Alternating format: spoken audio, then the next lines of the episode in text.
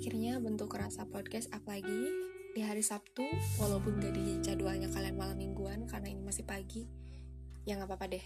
Yang penting kan kalian mau dengerin podcast ini kapan aja terserah kalian. Upnya kan gimana kami gitu.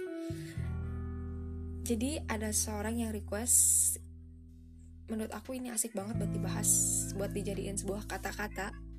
Ini mainstream banget sih.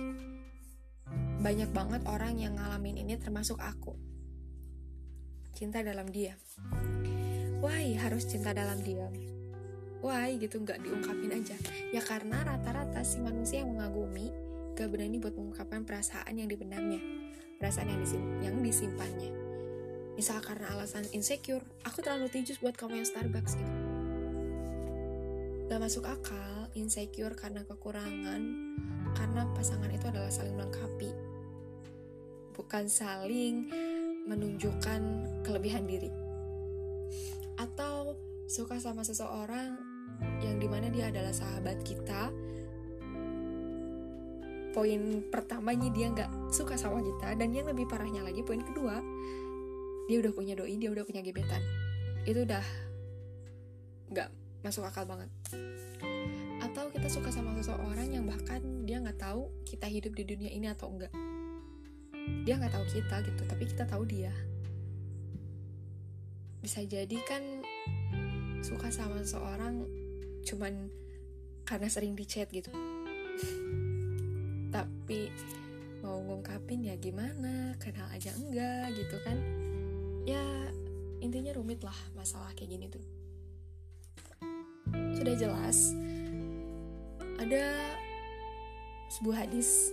Itu kan jadi ke hadis nggak apa-apa ya dia mengatakan jika salah satu di antara kalian menyukai atau mencintai salah satu saudaranya maka ungkapkanlah. Selain karena alasan biar dia tahu dan kita juga nggak menumpuk beban pikiran gitu. Yang kita kan kehidupan tuh banyak apa aja yang harus dipikirin gak cuma tentang dia doang. Kalau misalkan satu pemikiran itu nggak dilepasin nggak dikeluarin percaya pasti itu bakal dipikirin terus sama kita karena yang namanya perasaan itu nggak bisa dibohongin. Yang namanya cinta itu fitrah. Kamu nggak bisa maksa buat kamu nggak suka sama dia. Kalau misalkan perasaan itu datang tiba-tiba ya mau gimana lagi? Mau dihapus juga yakin deh pasti susah move on. Jadi aku punya kata-kata buat hal ini. Tidak bersuara bukan berarti aku tidak punya rasa tidak berani menatap bukan berarti aku tidak ingin menetap diam adalah caraku mengagumimu berdoa adalah caraku memperjuangkanmu. Aku tidak butuh kata-kata dari banyak orang yang meyakinkan aku, menguatkan aku bahwa jika aku tidak berbicara, kamu akan hilang. Memang, semakin lama dipendam, semakin cepat juga kedekatan kita ini menghilang. Tapi aku percaya, sebaik apa pun sainganku di sana berjuang untuk mendapatkan kamu, jika aku adalah takdirmu, maka aku yang akan bersama dengan kamu. Jika sekarang kita melangkah berlawanan arah, semoga saja suatu saat nanti kita bisa diarahkan menuju alur cerita yang sama dan berakhir dengan kisah kita berdua. Bucin banget ya.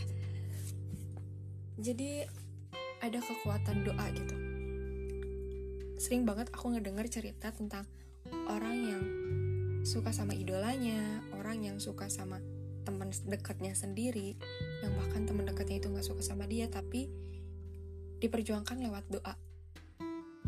Dan itu manjur banget, manjur banget. Akhirnya mereka bersama dan bahagia gitu, tanpa melewati yang namanya pacaran, tanpa melewati yang namanya PDKT-an gitu. karena awalnya mereka saling gak suka dan satu orang memendam perasaan berdoa bisa jadi kan sewaktu-waktu-waktu gitu. Si orang yang kita suka juga karena terlalu asyiknya kita berdoa terlalu rajin kita berdoa dia juga bisa jadi mendoakan kita balik gitu. Ajaib banget.